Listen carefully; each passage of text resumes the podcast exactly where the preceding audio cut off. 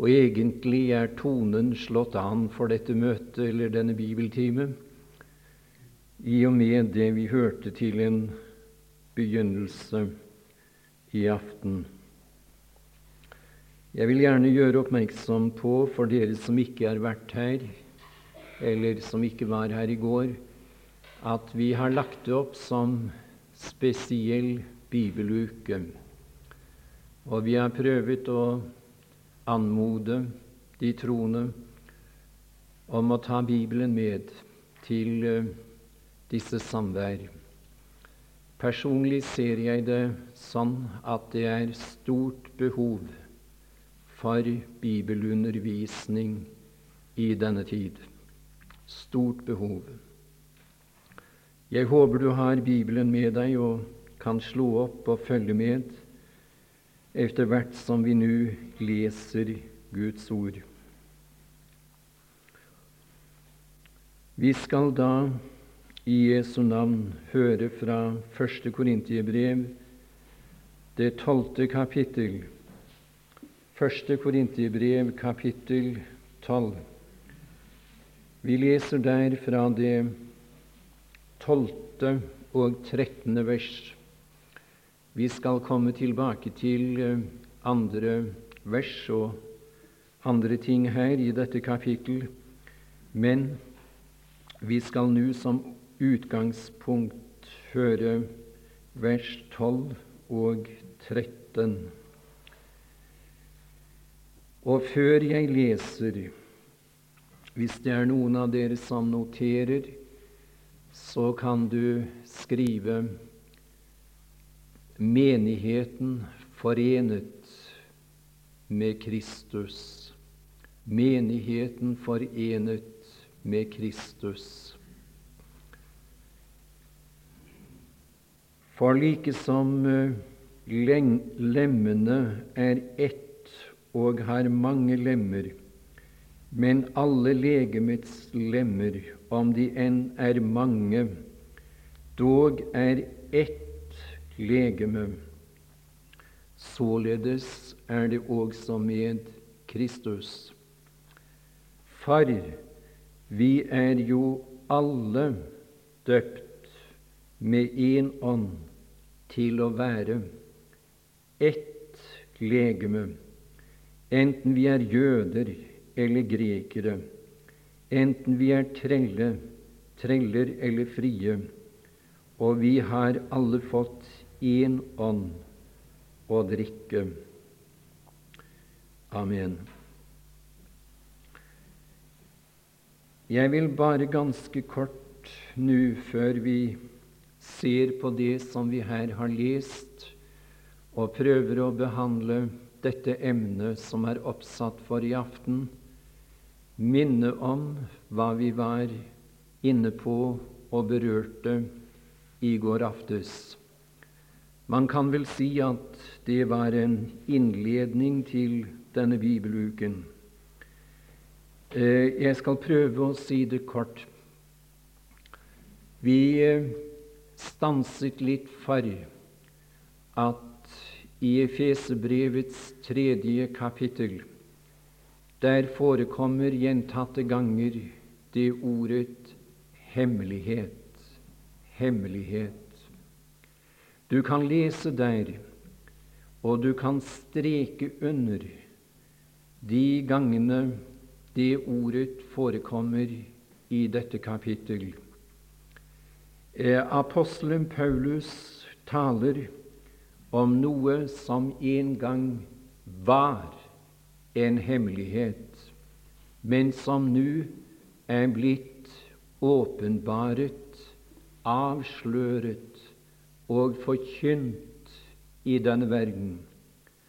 Og vi prøvde å se hva det var for noe. Det var, vil du merke deg det, sannheten om Kristi menighet, som ble født på pinsefestens dag, dannet der da de 120 var samlet på salen. Den hellige ånd kom over dem. De ble døpt med Den hellige ånd. Jeg skal komme litt nærmere inn på det ut fra det vi nå har lest, men jeg vil bare minne om at vi berørte dette litt i går aftes.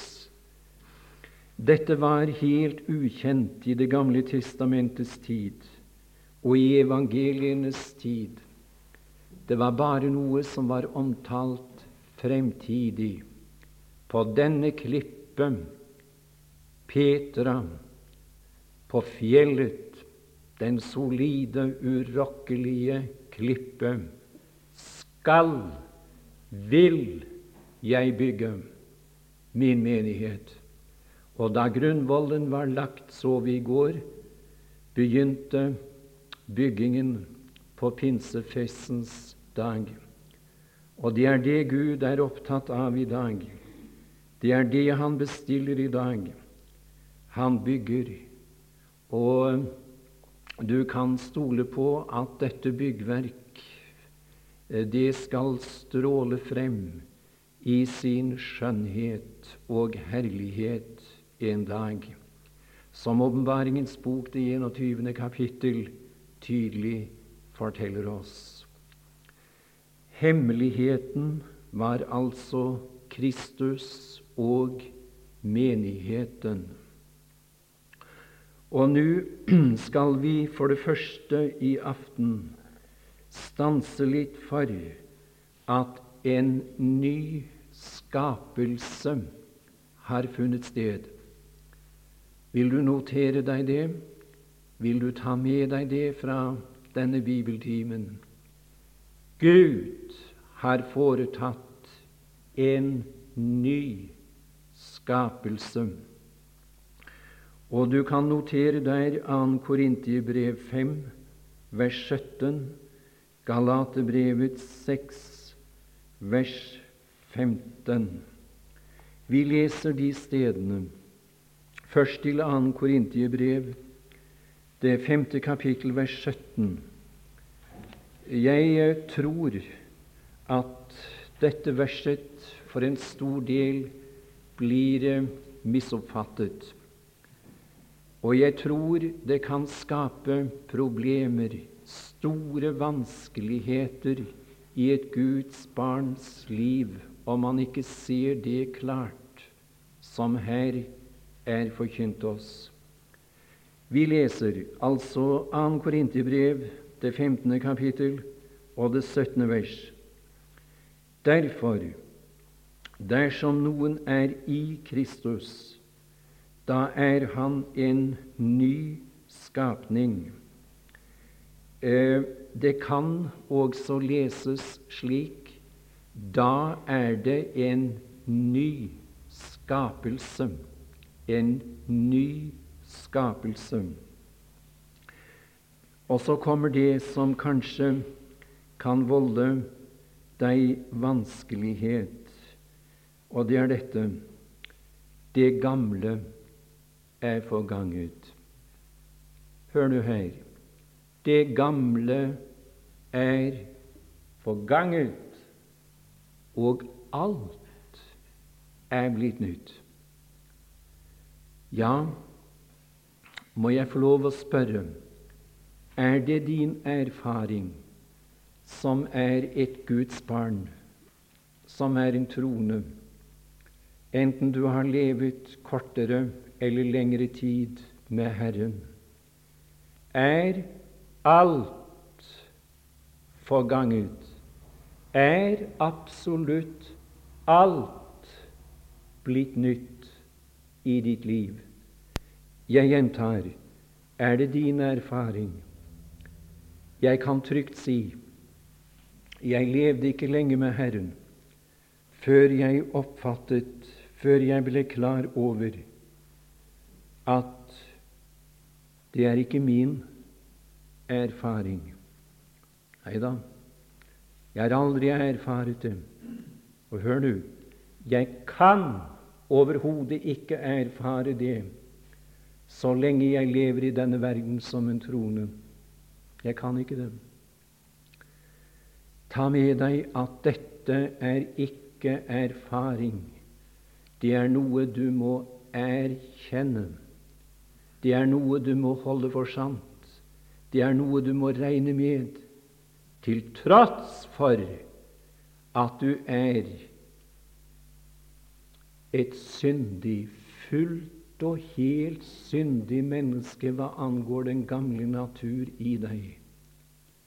Det er noe du må regne med at Gud har gjort.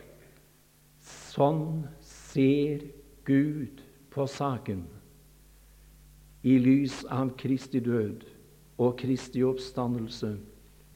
Det gamle er forganget. Se, alt er blitt nytt. Det er blitt en ny skapelse. Og dette stadfestes ytterligere i Galaterbrevet, som eh, jeg nevnte. Galaterbrevet, det femte, sjette kapittel og det femtende vers. Der heter det For verken omskjærelse eller forhud er noe, men bare Jeg er veldig glad i de ordene der. Og jeg skulle ønsket at du kunne få fatt på dem og ta dem med deg hjem. Bare, bare en ny skapning. Det er bare en ny skapning som gjelder for Gud. Den gamle skapning, den er forganget, forkastet. Skal også se litt nærmere på det etter hvert. Det er blitt et nytt menneske, forteller Bibelen. Og det mennesket, det er omtalt i Efesebrevet, det annet kapittel, hvorfra vi allerede har hørt i aften. Og vi skal lese der litt i de foregående vers av det vi hørte til en innledning. Vi tar med fra det 14. vers. For Han er vår fred, Han som gjorde de to til ett og nedrev gjerdets skillevegg, fiendskapet. Og jeg vil her stille det spørsmål hva er det som her er omtalt? Hva siktes det til når det står 'Han gjorde de to til ett. Hva er det det dreier seg om? Det dreier seg om jøder og hedninger, vil si frelste jøder og frelste hedninger. De er gjort til ett.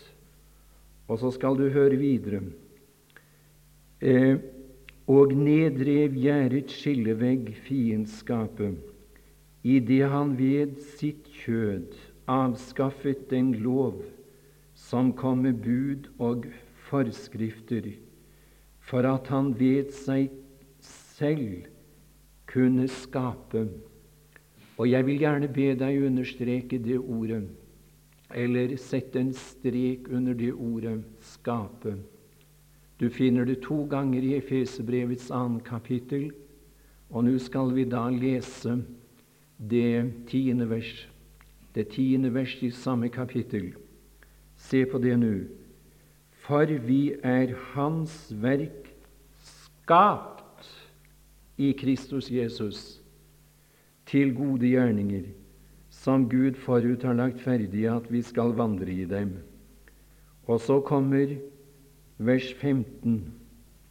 Idet han ved sitt kjød avskaffet den lov som kom med bud og forskrifter, for at han ved seg selv kunne skape de to til et nytt menneske. Og jeg tror det ville være av usedvanlig stor betydning om du kunne feste deg ved de ordene som forekommer her, siste del av vers 15 av Efesebrevet 2. Skape de to til et nytt menneske i det han gjorde fred. Vi har en glimrende illustrasjon på dette i Det gamle testamentet. Og nå vil jeg ta dere med til Tredje Mosebok og lese der litt fra det 23. kapittel. Tredje Mosebok og det 23. kapittel. I eh, det tiende vers, der hører vi om at da Israels barn kom inn i løftets land, inn i Kanans land, skulle de bringe det første kornbånd av sin høst til pressen, og han skulle svinge det for Herrens åsyn. Og så står det her så fint For at Herren skal ha behag i eder. Og ifølge 1. Korinterbrevs 15. kapittel er det klart at dette peker hen på Kristus i hans oppstandelse. Han var det første kornbånd som ble brakt inn for Guds åsyn. Og nettopp derfor, fordi han er der, så er vi under Guds velbehag stadig, uavbrutt, til alle tider i dag. Så heter det i det 15. vers fra dagen efter sabbaten, altså dagen efter at kornbåndet var brakt inn for Guds åsyn. Fra den dag I bærer frem svingekornbåndet, skal I telle full fulle syv uker. 50 dager skal I telle, og 50 det betyr pinse, eller omvendt. Pinse betyr 50. Den femtiende dag, med andre ord. 50 dager skal I telle, til dagen efter den syvende sabbat og da skal de bære frem for Herren et offer av den nye grøde. Det har blitt en ny grøde, fortelles det her. Og det er blitt en ny grøde, mine tilhørere, i og med Kristi oppstandelse fra de døde. Det er frelste jøder og frelste hedninger og vi leser videre.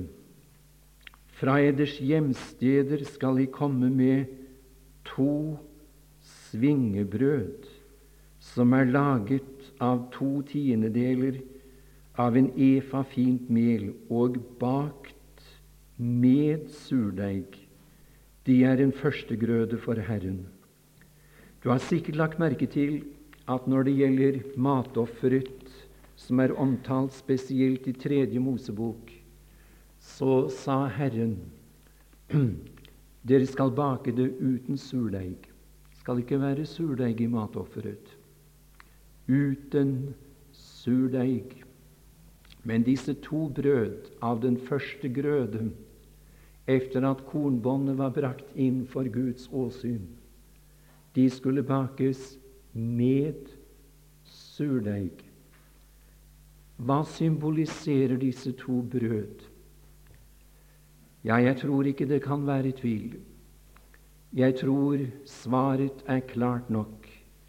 De to svingebrød bakt med surdeig står for jøder og hedninger. De jøder som lot seg frelse, og de hedninger som lot seg frelse, eller lar seg frelse, i denne tids husholdning. Går vi så til 1. Korinterbrev, det tiende kapittel, vil vi der finne at de to brød er gjort til ett brød. De to leste vi fra Efeserbrevets annet kapittel de er gjort til ett i Kristus. Og vi leser her 1. Korinterbrevs 10. kapittel, vers 17. Fordi det er ett brød. Det står ikke 'fordi det er et brød'. Nei da, ikke artikkel, men tallord. Skal vi lese som det står, og tro som det står, og så får vi som det står? Det slår aldri feil. Det er bare det at vi leser altfor hurtig. Og vi går glipp av megen velsignelse i og med at vi jager igjennom kapittel etter kapittel. Vi må ta tid på Guds ord, mine tilhørere. Vi skal ta tid på Guds ord. Jeg vet at det er vanskelig i dag. Jeg vet at alt annet har så lett for å oppta de troendes sinn i denne tid. Min bønn har vært, og mitt ønske er, at disse bibeltimer må bidra til at vi tar noe mer tid på Guds ord. Kunne det lykkes, så var meget vunnet. Skal vi lese igjen første Korintiebrev, første øh, tiende kapittel, vers 10. Fordi det er ett brød er vi ett legeme, enda vi er mange. For vi har alle del i det ene brød. Hvilket brød er omtalt her? Jo, jeg skal si det det. Er brødet, det ene brød, som vi bryter når vi kommer sammen til brødsbrytelsen. Jeg synes det er så fint når man sender det ene brød rundt, enten det er en mindre flokk eller en større flokk. Jeg har minner som står for meg i dag, fra ganske små samvær i private hjem hvor vi var samlet på denne måten. Vi sendte ikke omkring noen kjeks eller noen oblater. Nei da, det taler om en del Kristus. Men her er det ikke tale om en delt Kristus. Hør nå. Her er tale om enhet med Kristus når det gjelder de troende. Jeg er fullt oppmerksom på at det ene brød i første rekke taler om, om eh, Kristi stofflige legeme. Det legeme som ble gitt i døden på Golgate kors. Men det taler også like fullt, sier 1. Korintiebrev 17, om det mystiske legeme som Kristus har i verden i dag. Og det er det som griper meg. Og det er det som gjør at det blir dette fortrolige, åpne, intime samfunn. Når vi sender brødet rundt, og så tar vi et stykke hver og gjeter av det. Enhet. Fordi det er ett brød, er det ett ETT. Vi må gjerne stave det. Legeme. Enda vi er mange. Det er enhet. Enhet i Kristus.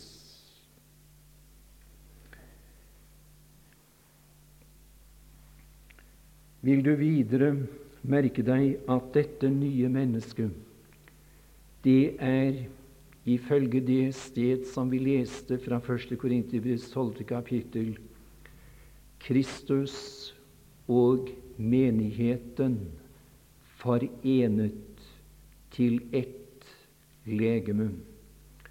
Skal vi lese igjen det tolvte vers, så skal jeg lese feil, men nå må du være oppmerksom.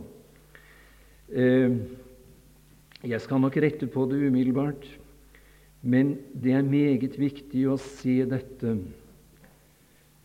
For like som legemet er ett og har mange lemmer, men alle legemets lemmer, om de dog er mange, om de enn er mange, dog er ett legeme Således er det også med menigheten.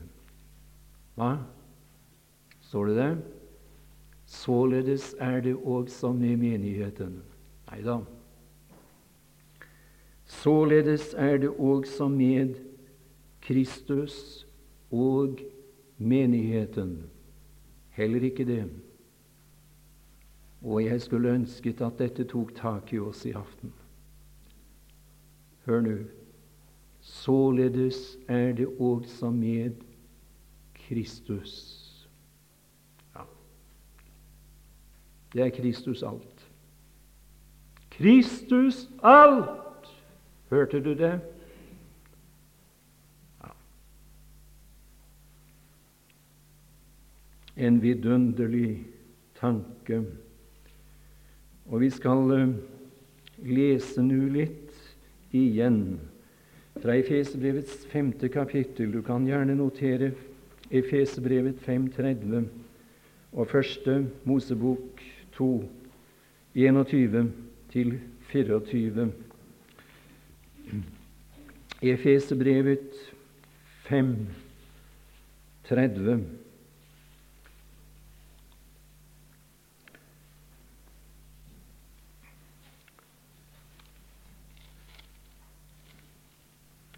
For vi er hans legemes lemmer. Skal vi lese det en gang til? Og vil du se på det og prøve å bli stille for det? For vi er hans legemes lemmer. Så går vi til Første Mosebok, og vi hører der fra det annet kapittel og vers 21 skal du høre hvorledes skapelsen skjedde.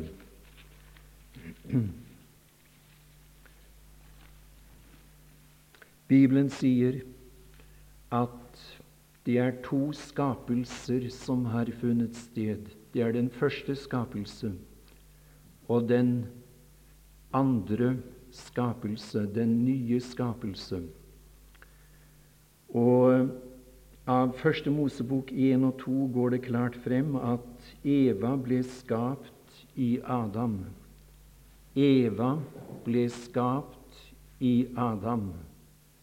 Og like sikkert er det at den nye Eva, menigheten, er skapt i Kristus den siste Adam. Ikke den andre, men den siste Adam. Skal vi høre. I, eh, fra vers 21. Da lot Gud Herren en dyp søvn falle på mennesket, og mens han sov, tok han et av hans ribben og fylte igjen med kjøtt. Jeg er fullt oppmerksom på at den nyere teologi ikke vil akseptere dette. Jeg vet at det er slik. Ja. Det som eh, doseres i dag på, på våre læreanstalter, mine tilhørere, er for en stor del Jeg sier for en stor del at uh, de første mennesker, Adam og Eva, ikke var virkelige personer. Det er bare symbolsk symbolsk. Ja. Symbolsk. Jeg tror hva Bibelen sier, jeg. Så får du si om meg hva du vil. Det er meget mulig at du synes det er det er en tåpelig fyr som står og taler for deg i aften.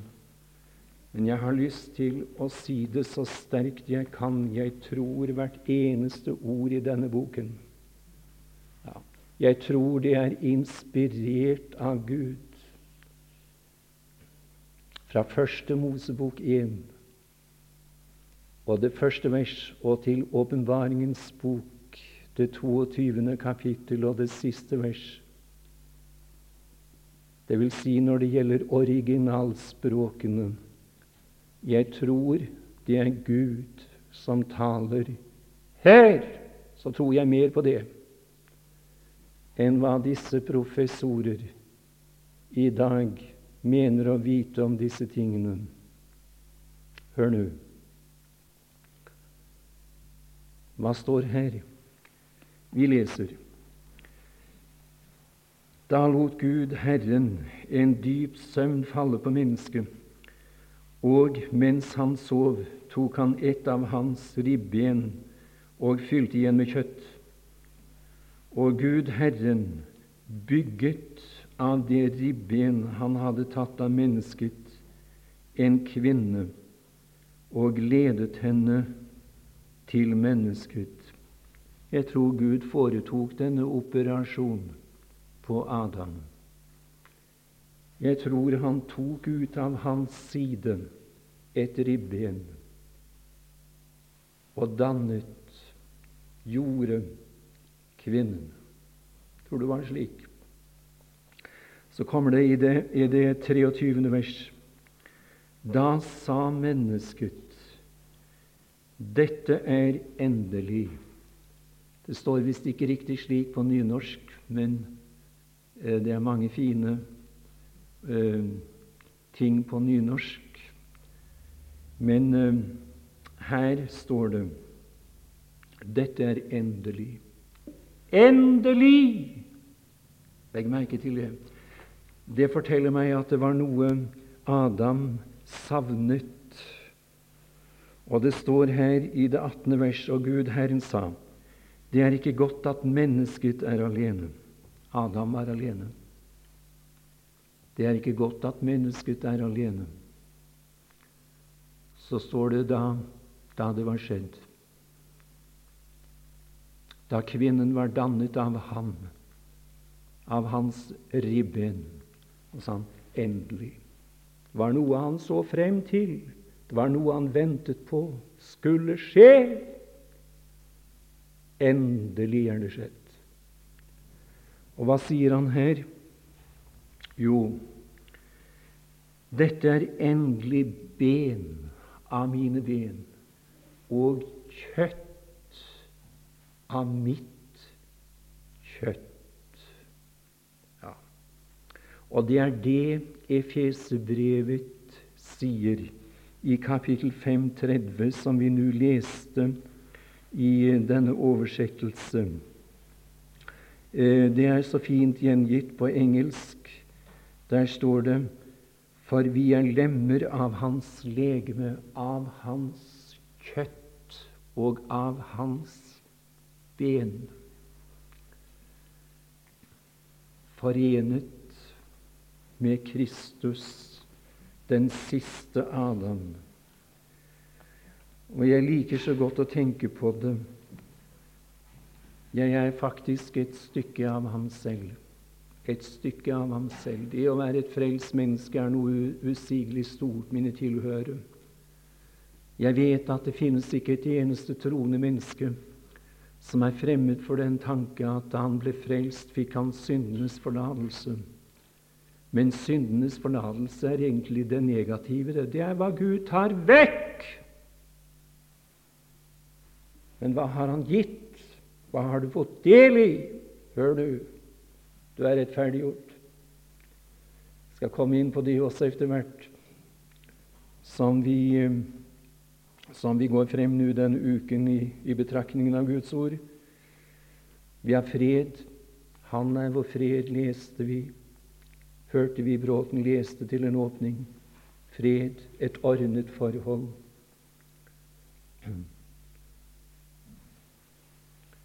Jeg tror høydepunktet berører vi her. Vi er lemmer på hans legeme, av hans kjøtt og av hans ben. Du kan ikke komme ham nærmere, kjære broder og søster. Du er et, en del av ham selv. Det er sannheten. Ja, da må jeg si det er noe å være et frelst menneske i denne verden. Synes du det er stort? finner du grunn til å takke for den frelse som er så omfattende, som er så grundig, som er så solid. Jeg tror du finner grunn til det.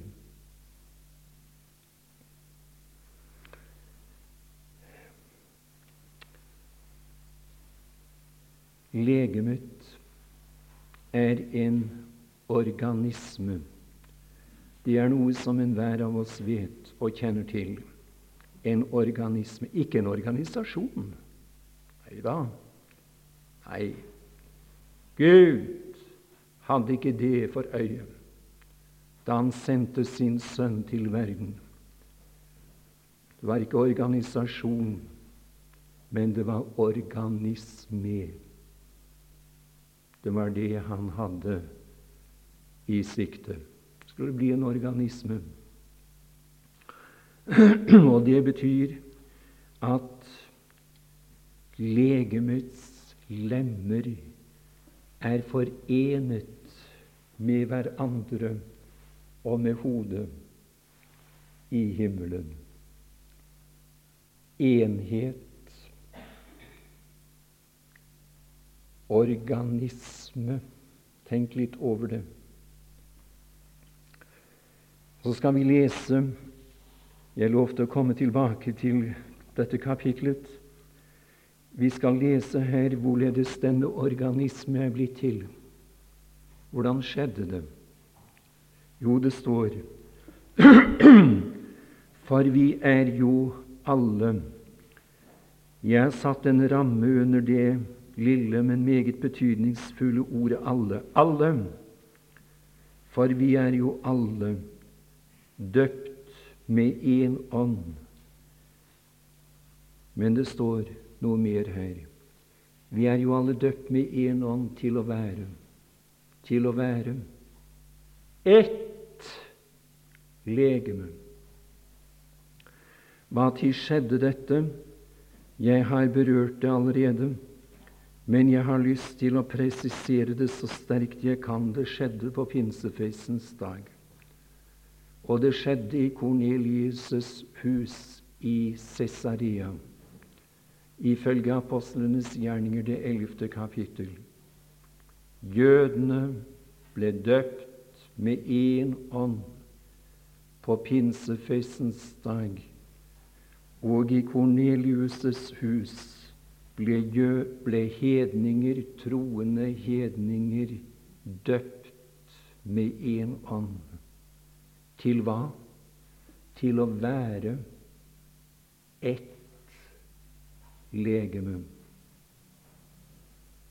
Det var sånn det skjedde. Og jeg vet nok at det er de som taler om åndsdåp jeg synes ikke uttrykket er riktig engang. Bibelen taler om å bli døpt med Den hellige ånd. Vil du feste deg ved det?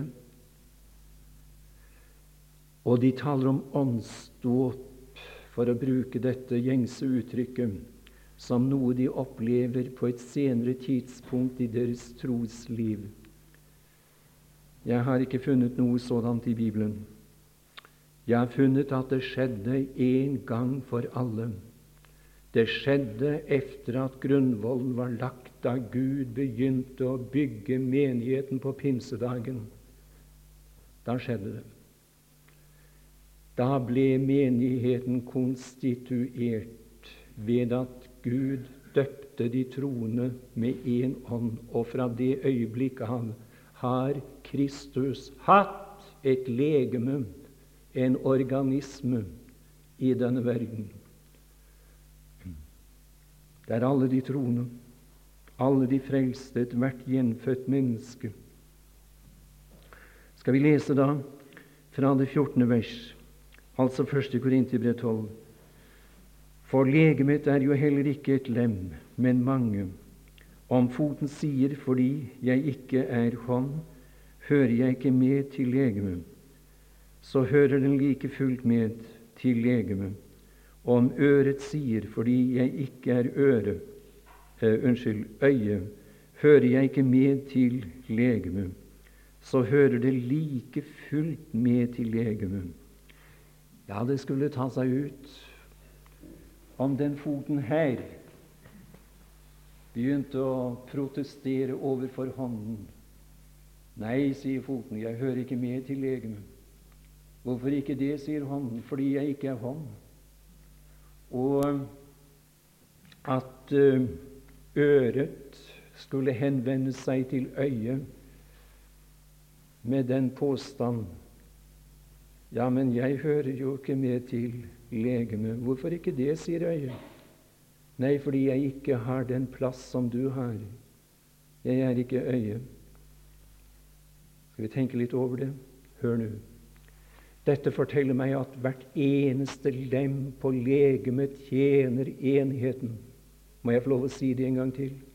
Hvert lem på legemet tjener enheten, organismen, for at det skal bli funksjon. Så må foten være der og hånden her og foten utfører sin gjerning, og hånden en ganske annen gjerning. Ser du det? Om jeg skal få lov å være så personlig, så kan jeg nevne at som ung forkynner, da gikk jeg med eh, de tanker ofte Og tenk om jeg kunne bli slik som han. Jeg lyttet til eh, Gud benådede Herrens tjenere. Det var de som ga meg usigelig meget. Jeg tenker på dem når jeg står her. De er hjemme hos Herren nå, men de ga meg så usigelig meget. Og på mine kne takker jeg Gud for disse Guds menn, for disse, disse benådede, innviede Herrens tjenere som eh, hadde et så stort lys i Guds ord. Men jeg tenkte så mange ganger Å, tenk om jeg kunne bli slik. Tenk om jeg kunne bli slik. Som ham, eller som, som ham. Det måtte være storartet. Jeg tenker ikke slik lenger. Jeg tenker ikke slik lenger. Jeg er fullt på det rene med. Og når jeg ser tilbake på mitt liv, så skulle jeg ønsket at mitt liv var mer innviet Herren. Jeg skulle ønsket at jeg hadde vunnet flere for Herren enn jeg har gjort.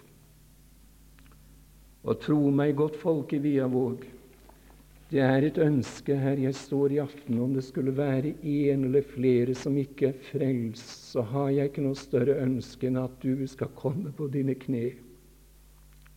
Ta imot den Herre Jesus i aften og bli lemmet inn i legemet. Bli frelst for evig.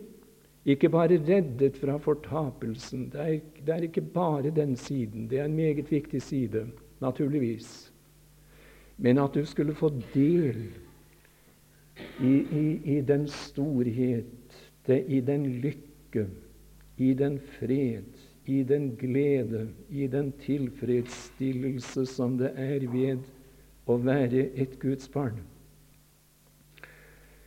Eh, nei, jeg tenker ikke slik lenger at jeg ønsker å være den eller hin.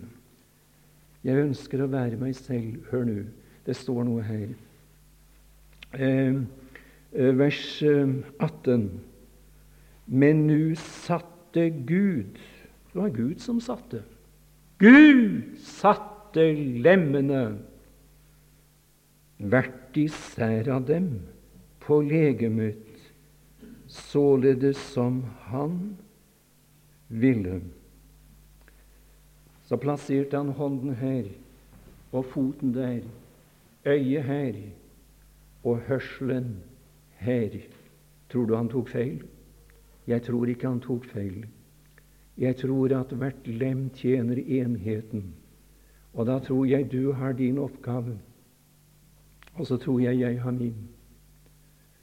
Og det, det, det skulle jeg ønske ble et begjær når du sitter her og hører i aften, at du kunne fylle din plass i legemet, der hvor Gud har satt deg.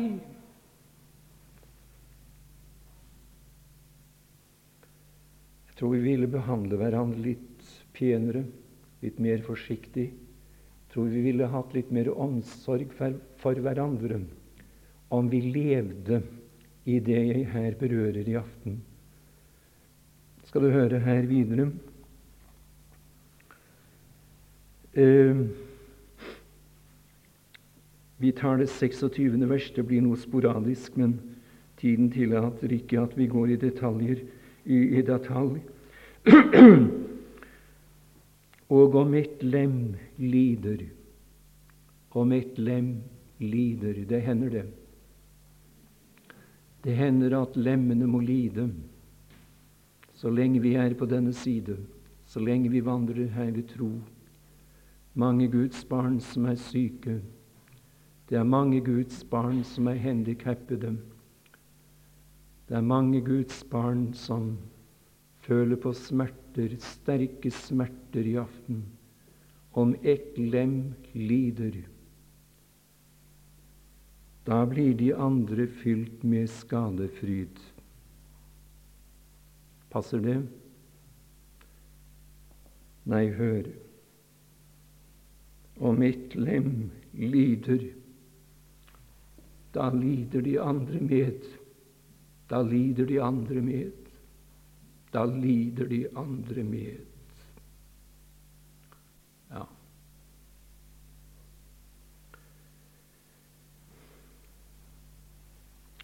Og om ett lem hedres, da blir de andre misunnelige. Kan ikke tåle det der.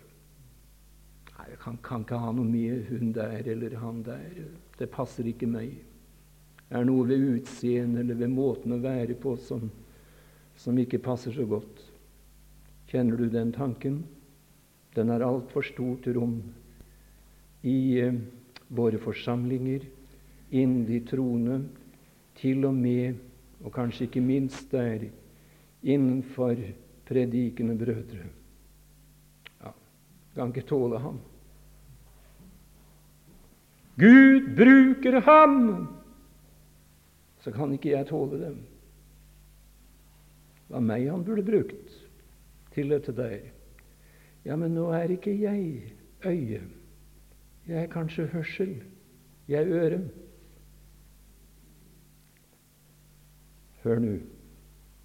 Da skal øret bare glede seg, for det står her um, Og om ett lem lider, da lider alle lemmene med. Og om ett lem hedres, da gleder alle lemmene seg med. Kunne vi lære det i aften? Jeg kan ikke lære dere det, jeg kan ikke lære meg selv det. Men når jeg ser på dette, da må jeg si jeg får omsorg for brødre og søstre i Herren. Så jeg er tilfreds. Tilfreds! Fordi jeg vet at Herren har plassert meg i legemet, og han tar aldri feil. Han plasserer rett. Jeg vet ikke hva din spesielle oppgave er. Det kan hende det er å bøye kne i enerom, i lønnkammeret. Blir du ved med det? Hold du ut med det? De største vekkelser begynte ved at det var noen som bøyde kne og anropte Gud om et nådebesøk. Og jeg tror det, det er ikke sikkert at det er disse størrelser som vi taler om og ser opp til, som vil bli mest hedret og rost en dag. Jeg tror det var gjerne den skjulte tjeneste som virket mest. Be du for din datter, for din sønn, for din mor eller far, for dine barnebarn, for dine naboer, arbeidskamerater.